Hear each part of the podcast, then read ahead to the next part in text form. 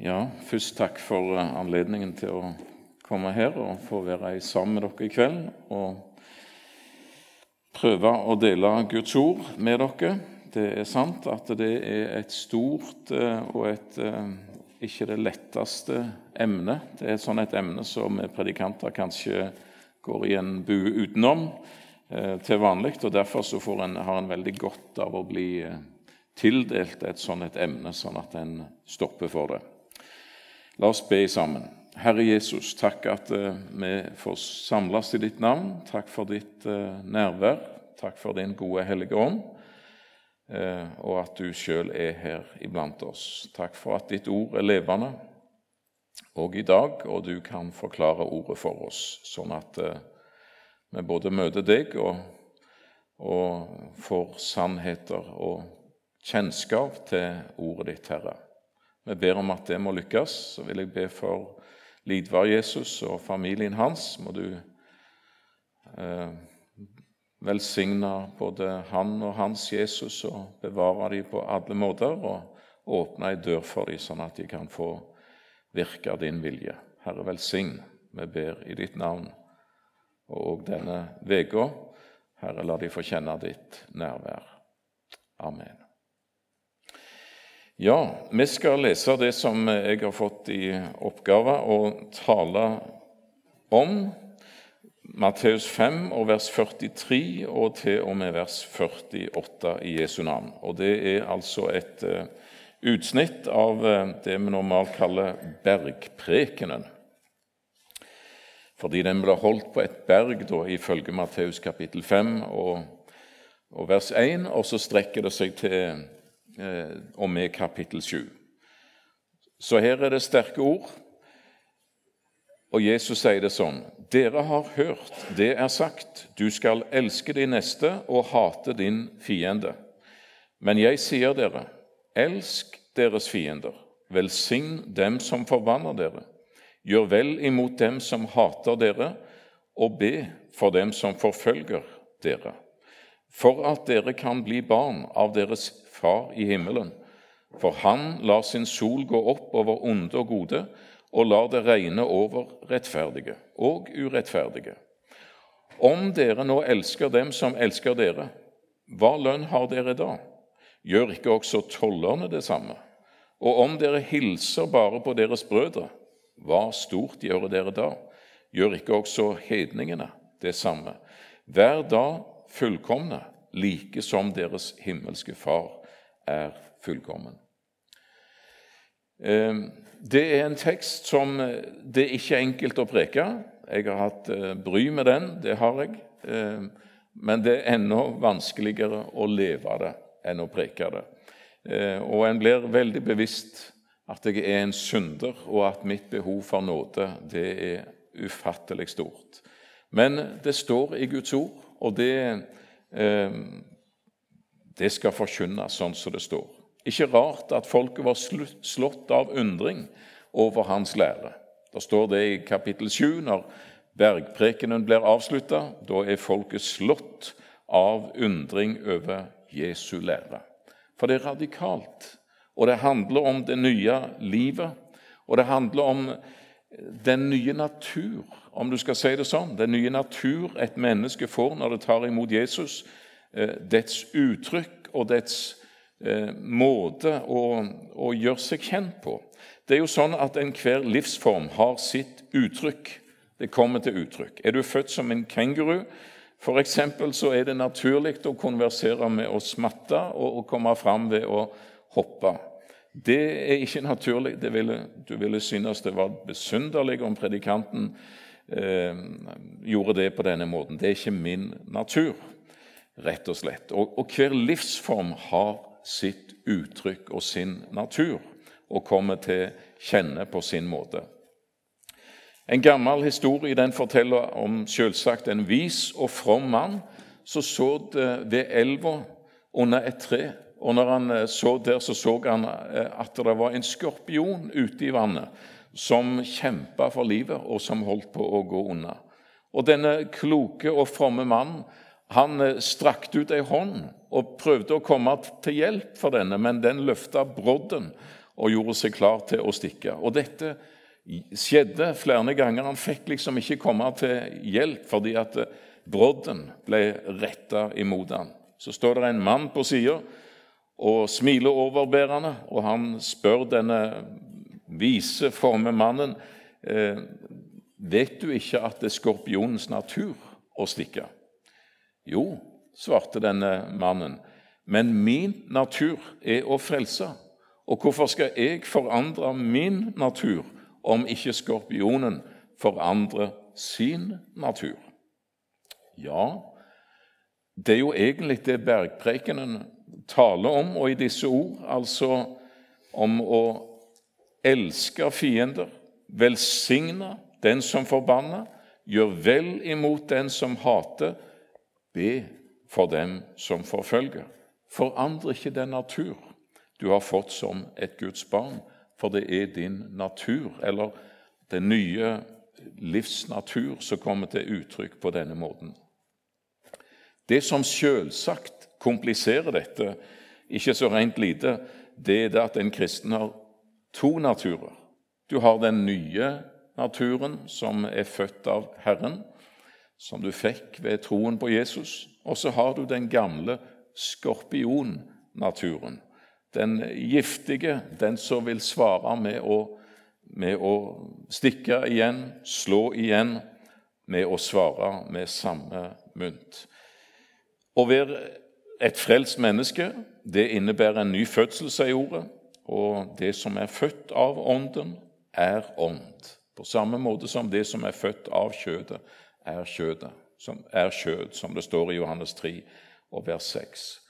Og alle dem som tok imot ham, dem gav han rett til å bli Guds barn, de som tror på hans navn. Og de er født, står det i Johannes 1 ikke av mannsvilje, ikke av kjødsvilje, men av Gud.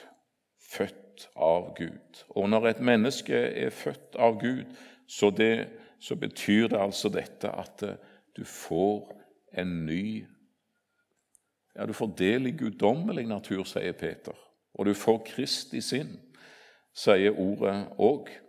Sånn at det er snakk om noe helt, eh, helt nytt og noe overnaturlig, guddommelig. Men så veldig, og det er jo det sammenhengen som står i, også, eh, i, i dette avsnittet, når det står 'elsk, velsign, gjør vel, be'. Hvorfor? Jo, vers 45, for at dere kan bli barn av deres far i himmelen. For at du kan vise deg i din livsferd som et, en datter av Gud, en av Guds sønner. For han lar sin sol gå opp både over onde og gode, og han lar det regne over rettferdige og urettferdige. Hver dag fullkomne, vers 48. Hvordan? Like som deres himmelske Far er fullkommen. Så mye greiere det hadde vært om Herren, når du tok imot Jesus, hadde tatt bort den der giftige skorpionnaturen, tatt bort kjødet som Bibelen eh, maler for oss. For Galaterbrevet 5 for eksempel, den skildrer den kampen en kristen har, der det står om ånden som begjærer. Galaterbrevet 5 og vers 17. Det står om de to naturer en kristen har.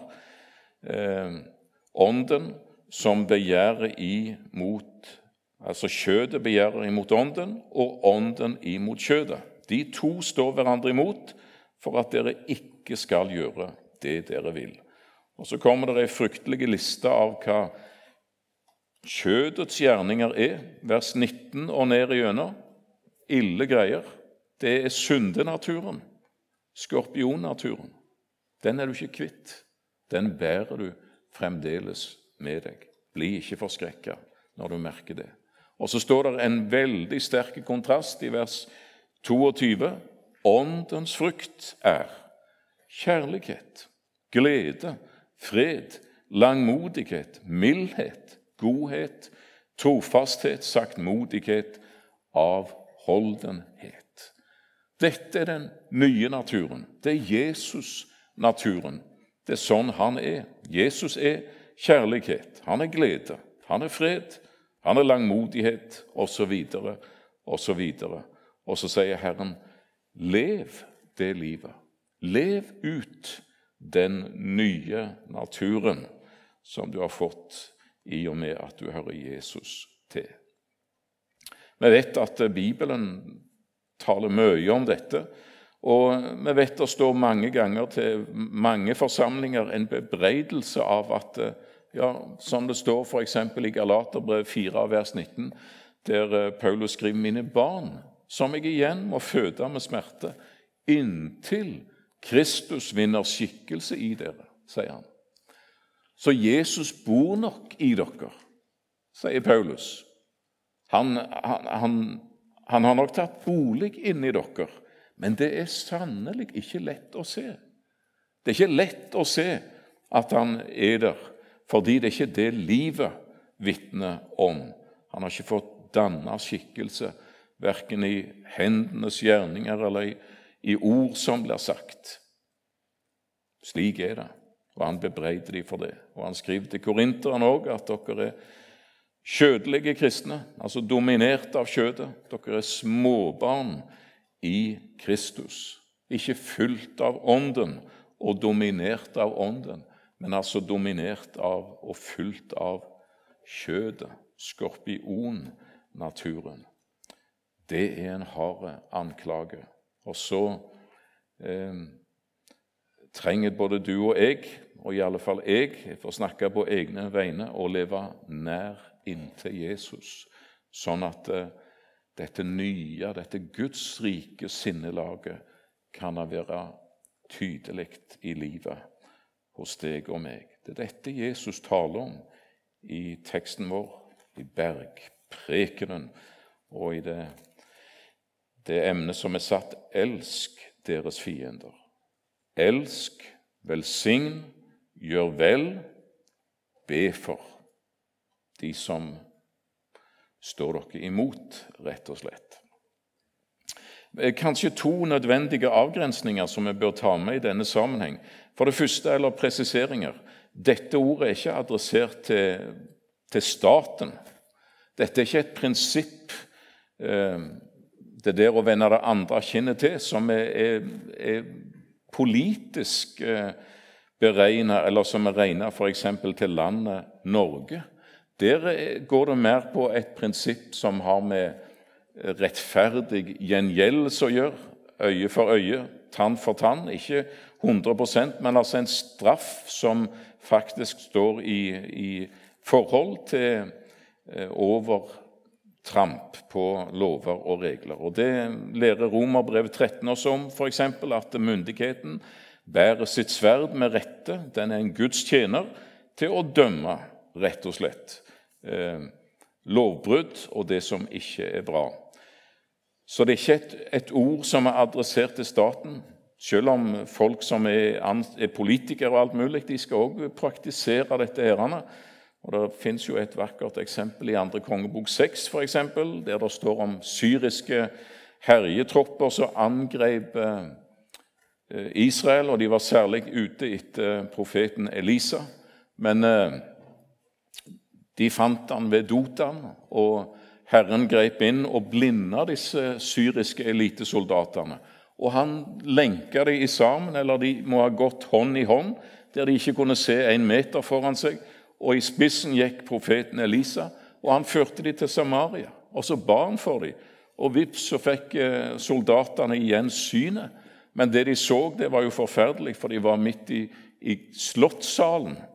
Der så kongen på sin trone og de var omgitt av eh, israelske soldater. Og Kongen sitter der, og han spør profeten Elisa skal jeg hogge de ned. Han spør to ganger skal jeg hogge de ned. Nei, sier Elisa, de har reist langt, de er trøtte, og de er slitne. De behøver mat og drikke før du sender dem hjem igjen. Og Det står faktisk det at han serverte et rikelig måltid for dem. Så der, Det ble både jovialt og vennlig til slutt der ved, ved, ved, ved, bordet. Og så var det na-na, og så reiste de hjem igjen. Og så står det ganske betegnende siden kom det ikke flere eh, syriske herjeflokker inn over Israel. Ja visst, det er et flott prinsipp eller et flott eksempel, men det er ikke et prinsipp for å styre et land. Det er det ikke. Det er mye som kan oppnås med vennlighet, men det, meninga med, med, dette temaet i kveld det er ikke å sende en, en, et forslag til Erna eller noe sånt at uh, legg ned politivesen og dommerstand og militæret i det hele tatt, og bare vær vennlig imot uh, Putin og, og Kim Jong-un og hvem det måtte være, og, og vende andre kinnet til hvis de gjør noe de ikke burde ha gjort. Det er ikke sånn det er meint. Det er ikke sånn det er adressert. Og for en nyttig presisering det handler ikke om staten. Og det handler heller ikke for det andre om å vende det andre kinnet til, som vi leser i verset foran. Det er ikke det gjelder ikke i det øyeblikket slaget er retta mot din neste. Da er det din plikt, både som kristen og som menneske, å forhindre det slaget. Da skal du ikke vende det andre kinnet til. Men det er altså når slaget er retta imot deg, når du personlig lider urett, da sier altså dette ordet, eh, Matteus 5, og vi er nå faktisk i, i litt foran teksten vi gikk eh, ut ifra. Vi er i vers 39. Om noen slår deg på høyre kinn, så vend også det andre til. Elsk deres fiender. Det er rett og slett adressert til deg og til meg som har tatt imot Jesus, og som hører han til. Strekk deg lenger, sier de versene som går foran, enn det urimelige som kreves av deg, det urettferdige som rammer deg når du eh, ikke øye for øye. Når du får et slag på ditt øye, så motstår den impulsen, sier ordet, til å slå tilbake igjen, til å svare med samme mynt. Og om det blir slått så hardt at de slår ut ei tann på deg, så ikke tann for tann. Ikke slå tilbake.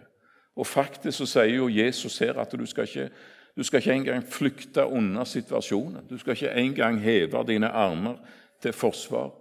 Men altså, du skal vende det andre kinnet til. Og det, det er ikke menneskelig. Det er ikke naturlig. når du blir slått på kinnet, da betyr det vel òg at det kommer et slag uventa og ifra sida. Det har noe med nesten et bakholdsangrep å gjøre. Ikke forfra og ikke ansikt til ansikt, men pang! Der får du en susende knyttneve ifra høyre. Ikke snu deg imot og slå tilbake, sier Jesus. Motstå den impulsen, men ta heller det andre kinnet og si 'vær så god'.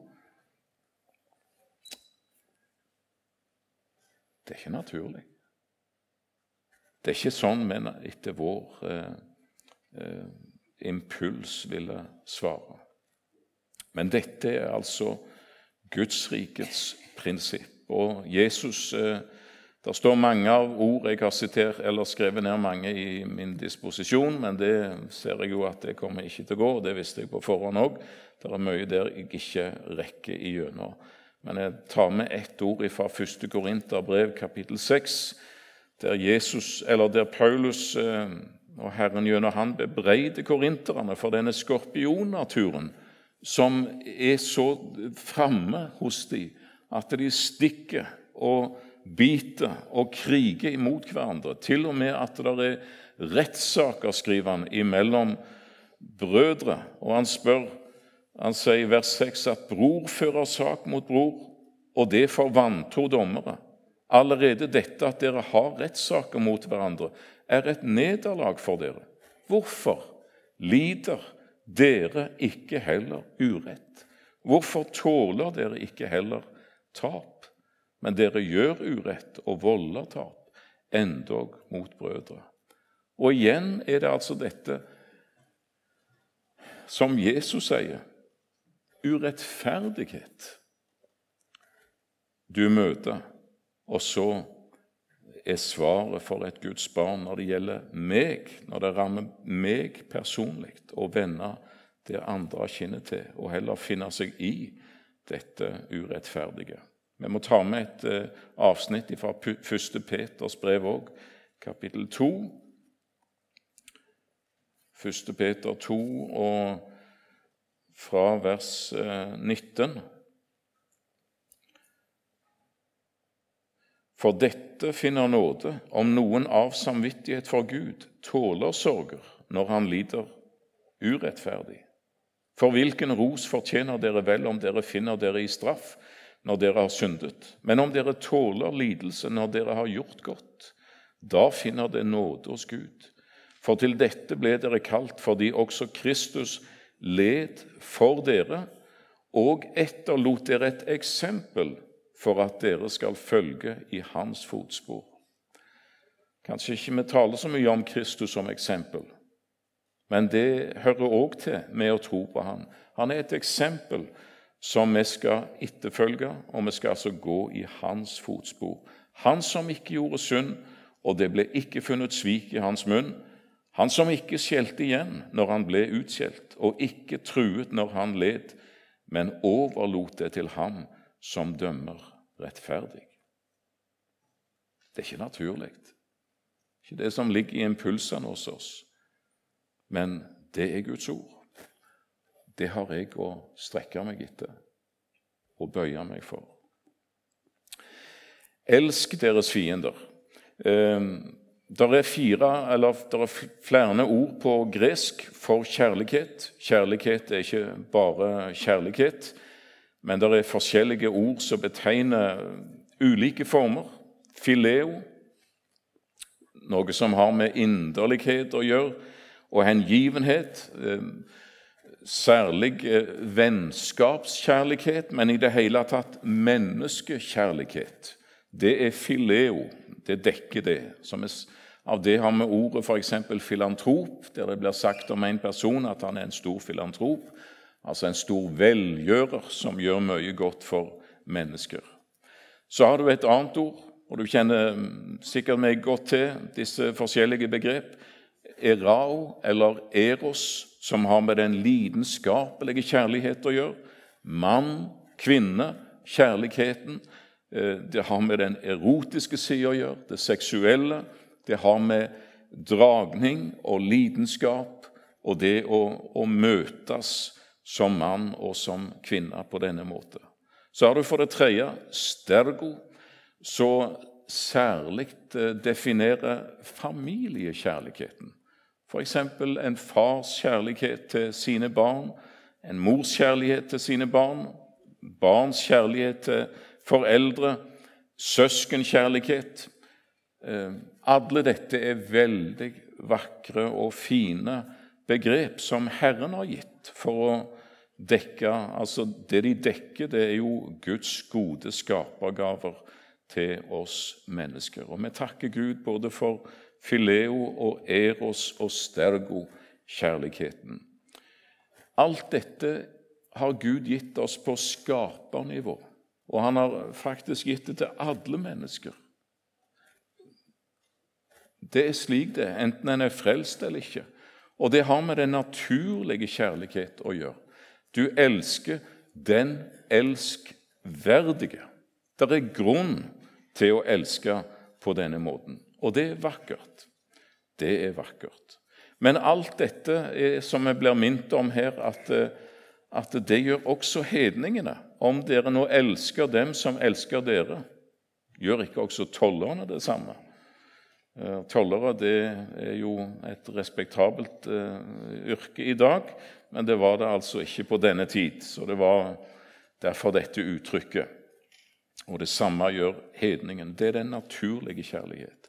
Så vet du det, at når det står 'elsk deres fiender', så er det det fjerde begrepet på gresk det står om, nemlig agape. Og nå sier de lærde at agape var et ganske sjeldent ord i klassisk gresk. Det ble lite brukt. Fordi at det var, det var ganske konturløst, ganske tomt og ganske lite definerende. Det sa ikke så mye. Det sto liksom der eh, og ble brukt ved anledninger, men det, men det sa ikke så mye. Og det er kanskje typisk, eh, ganske særlig Paulus, da, eh, i hans brev, at han tar et ord fra en annen sammenheng, og så fyller han det med et nytt innhold og helliger dette ordet og dette uttrykket. Og slik er det særlig han som bruker men overalt i, i Nytestamentet, helt, klass, helt gjennomført. Når det står om Guds rike kjærligheten, da står det ikke om fileo, da står det ikke om eros, da står det ikke om stergo. Da står det agape. Heldigvis. Vi fortsetter å elske. Om vi hører Jesus til, så det er ikke bare med agapekjærlighet vi elsker. Vi fortsetter å elske på naturlig, altså disse begreper. Det gjør vi. Men agapekjærligheten kom i tillegg. Og den hellige og de andre, de naturlige eh, kjærlighetsbegreper, og gir det en større dybde. Men det har altså en helt spesiell betydning i Det nye testamentet. Det er Guds agape. Det er Guds kjærlighet, og det er Guds rikets kjærlighet. Gud er agape står det i 1. Johannes 4 eh, og vers 8. Det er det han er. Gud elsker, og derfor elsker han. Agape er den kjærlighet som ikke elsker det elskverdige, det som fortjener å bli elsket, men det er den kjærlighet som elsker ut ifra en indre drivkraft. Gud elsker, derfor elsker han. Og så står det i 1. Johannes 4, vers 7, altså i vers 8 står det Gud er agape. Og så står det i vers 7 at hver den som elsker Agape på grunnteksten er født av Gud. Ikke hver den som elsker med, med fileokjærlighet eller eroskjærlighet eller stergokjærlighet. For det er helt naturlig. Det hører òg det det ufrelste mennesket til, men vær den som elsker med agapekjærlighet, med Guds rike kjærligheten. Hver det mennesket er født av Gud. Ja, jeg vet det er mennesker som sier at 'jeg er ikke redd'. Og Som en skrev det, en kjente mann, 'Jeg er ikke redd for å dø, for jeg elsker'. Og Han henviste altså til dette ordet, at eh, da er jeg født av Gud. Men Kjærlighet er ikke bare kjærlighet. Her står det om den overnaturlige kjærligheten. Det er den som elsker med agape-kjærlighet, som er født av Gud. Og Derfor står det i Romerbrevet 5 og vers 5 for eksempel, at Guds agape er utøst i våre hjerter ved Den hellige ånd. Og Jeg har hatt den gleden å få oppleve òg det ved noen anledninger der mennesker tar imot Jesus. Og de har ikke før ser for meg en, en, ei unge jente, ser for meg ved en annen anledning en unge gutt som tar imot Jesus. Og de har ikke før bedt sine første famlende takkeord til Jesus for frelsen før en begynner å be. Altså først takk, Jesus, at du har frelst meg. Nå må du frelse foreldrene mine, venner, søsken. Og når emissæren sitter, eller predikanten sitter der ved sida, så, så fryder han seg. Dette har ikke noen instruert disse menneskene å bo og, og si, men det er Guds agape som nå utøses i deres hjerter ved Den hellige ånd. Det er den kjærligheten som mer enn noe annet lengter etter menneskers frelse. Det tenkte de ikke på før og brydde seg ikke om før, men nå, eh, nå er den der. Elsk deres fiender.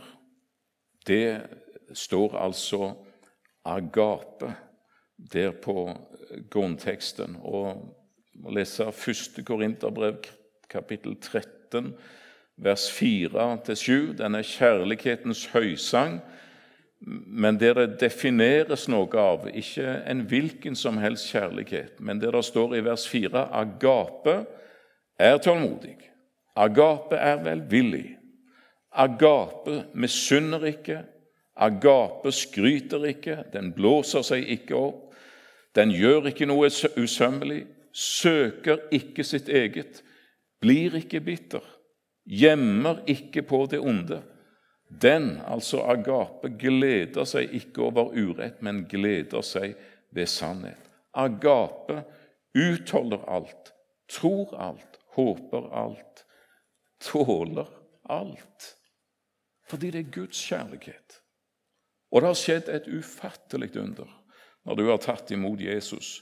Han har flytta inn i ditt eget liv, og han har gitt deg denne, denne nye natur, Guds rike kjærligheten. Så det Jesus sier, ja, vi har den gamle naturen, vi erfarer det, og hver eneste dag så eh, må et Guds barn ut og slåss med sin skorpionnatur og slåss med brølende løver og hylende ulver og snikende slanger og forkledde engler eh, som gir seg ut for å være det, men som rett og slett er djevelen sjøl.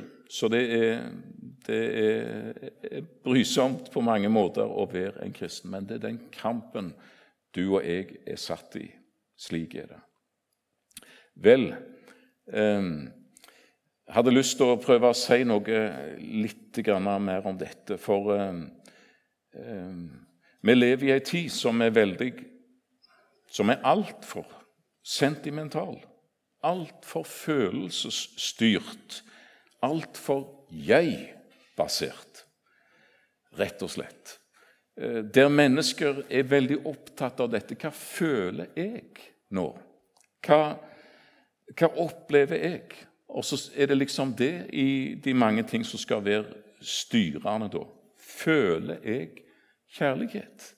Føler jeg at jeg elsker min eh, ufordragelige fiende, som er vanskelig, vrang og trassig, som jeg har mistanke om er den som stakk opp dekket på bilen min den morgenen jeg kom ut og fant eh, lufta ute av alle fire dekk, og nydelig kirurgisk presisjon på den kniven som hadde eh, i det alt i sammen.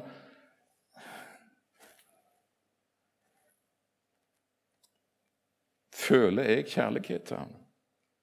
Nei, ærlig talt, jeg gjør ikke det.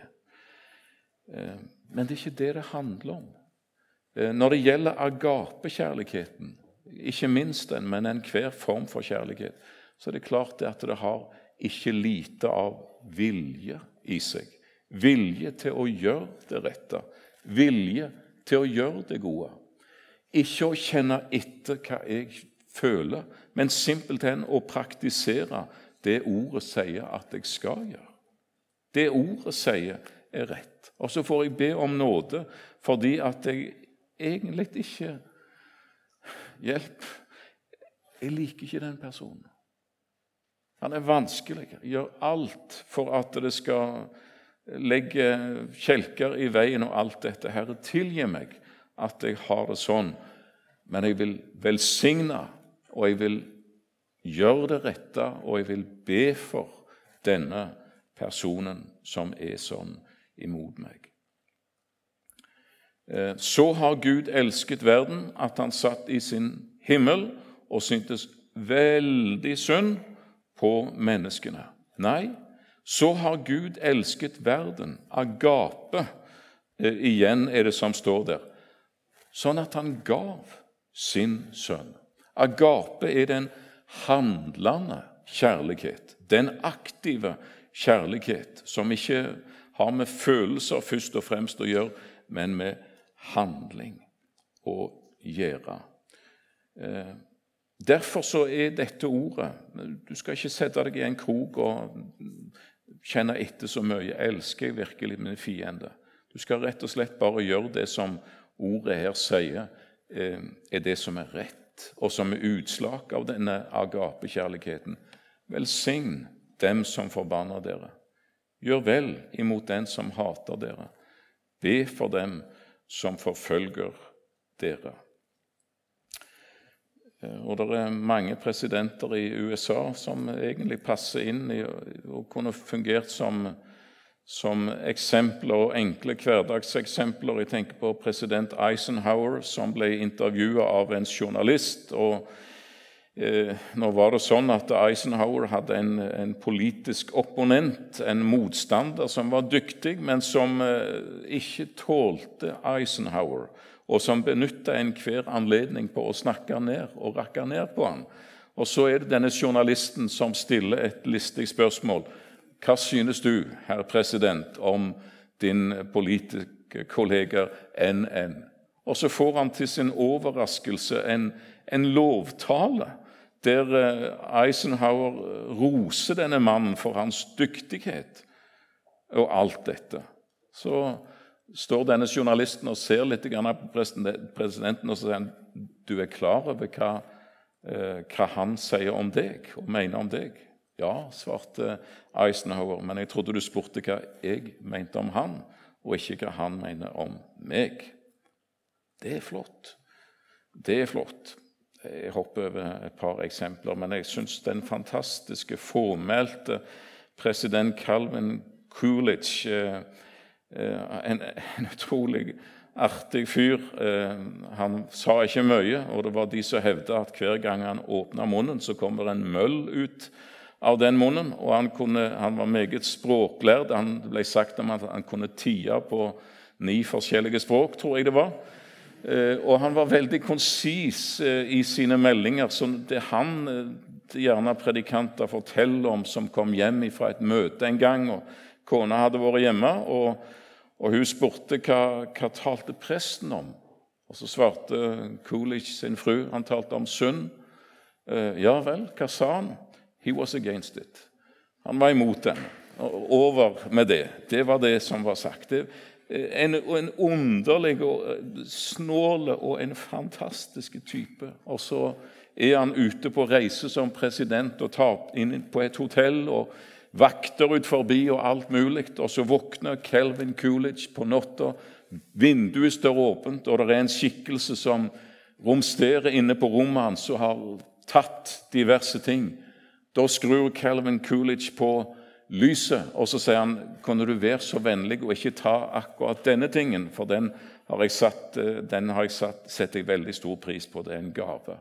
Og så stopper den unge mannen opp, avslørt, og han begynner å fortelle sin historie og hvorfor han er der, og, og tragedier som er skjedd.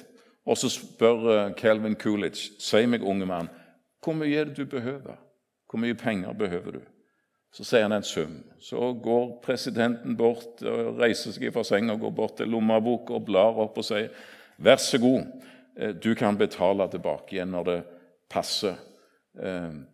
Det, det har ingen hast. Og, og, unge mann, vær forsiktig når du går ut av vinduet, for vi har vakter postert overalt, og det blir bare problemer hvis du blir funnet.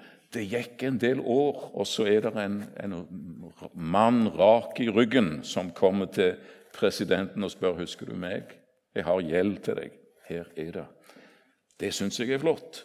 Det er noe av dette sinnelaget. Og George Washington, den store i den første tida for, eh, for, Amerika i det hele tatt. En, han hadde en nær venn, en baptistpastor som heter Peter Miller og denne Peter Miller, som bodde i en liten by, han eh, hadde en bitter fiende som heter Michael Wisman, Whitman, som gjorde alt for å gjøre livet komplisert og vanskelig for pastoren, og satte ut dårlige rykter og alt mulig. Men alle visste hvem Michael Whitman var. Han var et dårlig kort. Og det endte med at han ble arrestert for forræderi i denne vanskelige tid, fødselstida for nasjonen, og dømt til døden. Og da reiser Peter Miller 70 miles til fot til sin venn George Washington og trygler presidenten om du skal, denne mannen om å benåde denne Michael Whitman. Og så svarer Washington og rister på hodet og sier beklager, men jeg kan faktisk ikke det står ikke i min makt å redde din venn. Da brister det litt for eh, Peter Miller. Han sier, 'Min venn han er den verste fienden jeg har hatt i hele mitt liv.' Så du har faktisk gått 70 miles til fots for å gå i forbønn for din bitre fiende. Ok, sier George Washington, det stiller jo unektelig saken i et annet lys. Eh, vent, jeg skal se om jeg kan gjøre noe.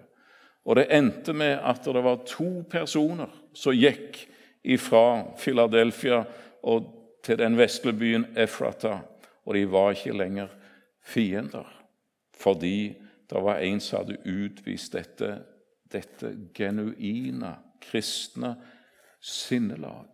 Ikke sant? Eh, elsk deres fiender. Det er faktisk naturlig.